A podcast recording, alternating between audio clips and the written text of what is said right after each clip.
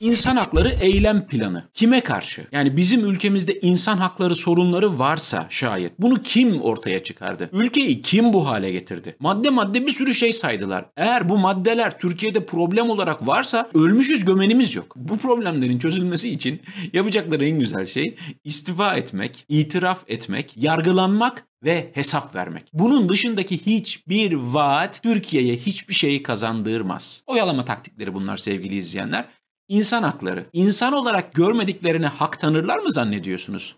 Ülkenin yarısını terörist ilan etmişler. Ülkenin bilmem ne kadarını insan olarak görmüyorlar. Özlem Zengin denen herif var ya çıkıyor diyor ki beni yanlış anladılar ben sadece FETÖ'cülerden bahsediyordum diyor. Bakın bu soykırım kafasıdır. Ben sadece şunlardan bahsediyorum ben sadece bunlardan bahsediyorum deyip bu ülkenin vatandaşlarının bir kısmını bu şekilde gösterirseniz işte Naziler falan da aynı şeyleri söylüyordu. Ya size ne oluyor siz rahatınıza bakın biz size yap Bizim derdimiz Yahudilerle diyorlardı. Sonra Almanya paramparça oldu. Emin olun bunun arkasında ekonomik bir şey vardır. Avrupa Birliği demiştir ki şu şu şu şu konularda bir iyileştirme yaparsanız biz de size şu kadar para veririz demişlerdir. Bunlarda olan oradan güzel para gelecek. Hadi biz bir paket açıklayalım. Paket açıklamakta ne var ki Fahrettin Bey yazmıştır. Dört maaş boşuna mı alıyor? Otursun yazsın yani. Hiç kimse başkalarının kişilik haklarına saygı göstermek suretiyle yaptığı eleştirileri veya düşünce açıklamaları nedeniyle özgürlüğünden yoksun bırakılamaz. Evet, evet öyle zaten. Neden bunu söyleme ihtiyacı duydunuz? Aynı gün Aynı gün düşünün Türkiye'de cezaevlerinde sadece yazdığı yazıdan dolayı, attığı tweetten dolayı cezaevinde olan düşünce mahkumları var. Bunu kim yaptı ya? Hani sizin bu iktidar vaadiniz mi? Bir gün iktidara gelirsek bunları düzelteceğiz mi diyorsunuz? Kendilerine karşı eyleme geçiyorlar. Ya resmen kendisiyle kavga etmek. Yani başka bir şey değil bu. Eğer söylediklerinde samimilerse, azıcık ciddiyetleri varsa Yarın Türkiye'deki cezaevlerinin yarısının boşalması lazım belki daha fazlasının. Sırf bu saydıkları maddeler var ya 9-10 tane madde saydılar. Türkiye'nin cezaevlerinin yarısının boşalması lazım. Kimse cezaevinde kalmaz o zaman. Tabi bozacının şahidi şıracı böyle hemen onların Amigo'ya ihtiyacı var. Amigo da gelmiş. Türkiye Barolar Birliği Başkanı Feyzoğlu insan hakları eylem planı yıldızlara erişmemizi sağlayacak bir plan. Hayır açıkladıkları maddeler zaten olması gereken şeyler. Yoksa kim bunları yok hale getirdi? Yoksa 20 yıl sonra mı anladı? Aa Vay anasını biz nasıl unuttuk lan insan hakları. La, oğlum kimse de hatırlatmıyor. Bak ölüp gideceğiz 20 yıldır iktidardayız. Birisi de demiyor ki insan haklarını şey yapmamız lazım, iyileştirmemiz lazım. Tüh ya.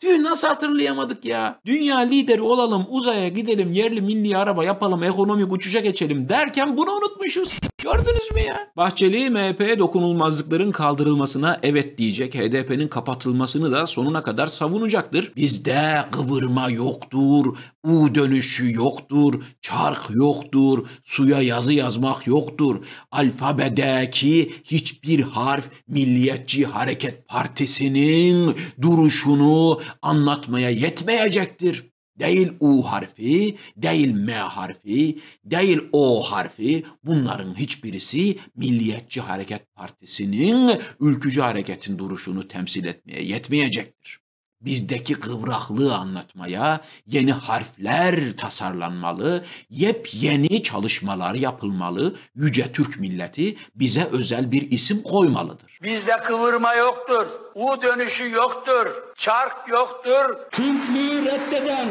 TC'yi silen, milliyetçiliği ayaklar altına alan bir inkarcıdan Türkiye Cumhurbaşkanı olmaz, olamaz, olamayacaktır.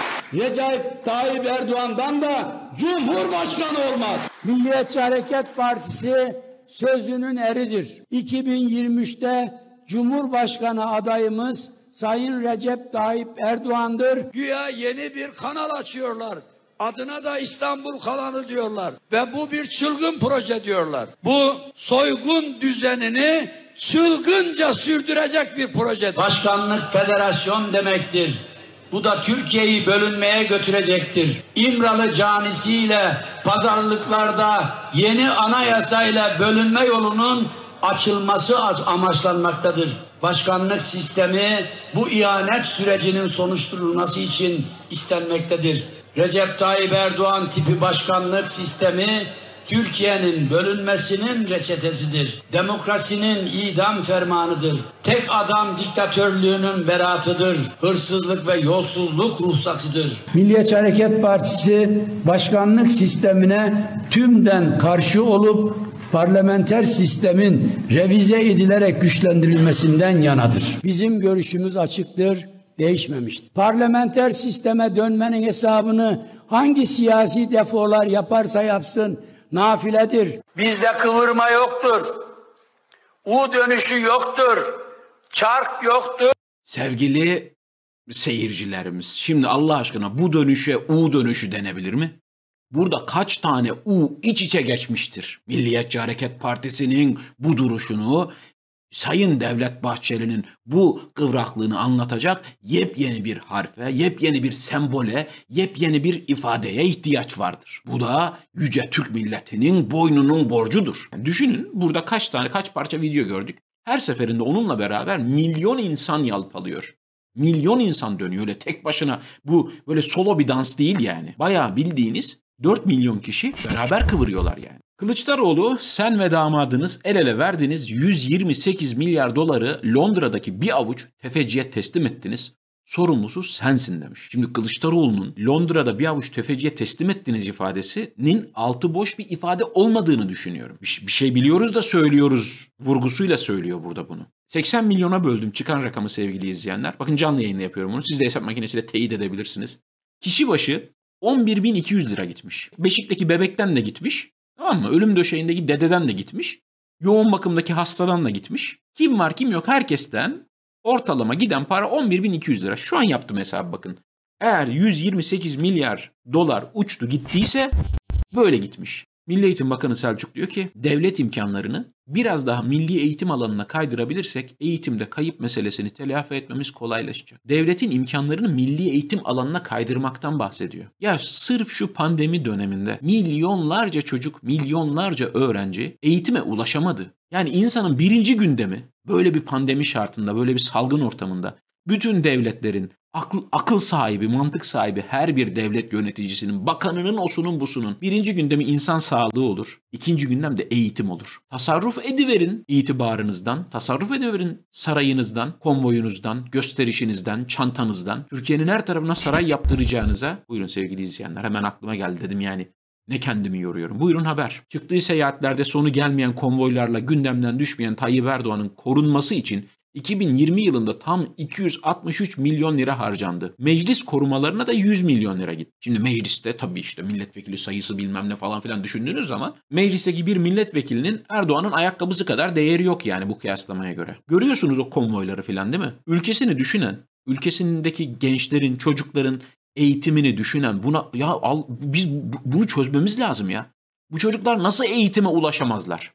Nasıl olur da ulaşamazlar? Bizim ne yapıp edip bizim bunu çözmemiz lazım. Ya bir ülkenin en değerli şeyi insanların hayatıdır. Hani insan hakları falan diyorlar ya. İnsan haklarından birinci madde insan hayatıdır. İkinci madde insan onurudur. Yani işte oradan buraya geçiyorum. Uşak valisi Koca Bıyık'tan Buldan'a küfürlü tweet açıklaması emniyete talimat verdim. Bu valiyi hatırlıyorsunuz değil mi? Türkiye'de politikada kadın politikacı seçerken kadın politikacı onu beğeni ifadesi olarak ne kullanılıyor biliyor musunuz? Erkek gibi kadın. Neden? Neden? Yani erkek gibi kadın olmayı övgü olarak görüyor Türkiye'de insanlar. Ama kadın gibi erkek neden? Çünkü kafada bir profil var, kafada bir kalıp var. O kalıba en çok kim yaklaşırsa onu seviyor. AK Parti kongresi sonrası Erzurum'da Covid-19 oranı binde 60'lara çıkmış. Bin kişi de 60 kişi. E çarpın işte 80 milyonla. İçler dışlar çarpımı yapın. Sonucu bulun. Her kongrede, kongre yapılan her şehirde oranların buralara çıktığını düşünürseniz açıklanan sayılara bakmayın yalan. İnanmayın yani o sayılara. Doğru olmasını temenni ettiğimi sürekli söylüyorum size ama öyle bir şey yok ya. Mümkün değil. Çok acı bir tablo sevgili izleyenler. Acısı çıkacak. Göreceksiniz acısı çıkacak. Çok kötü çıkacak hem de acısı. Kongrelerden sonra o şehirlerde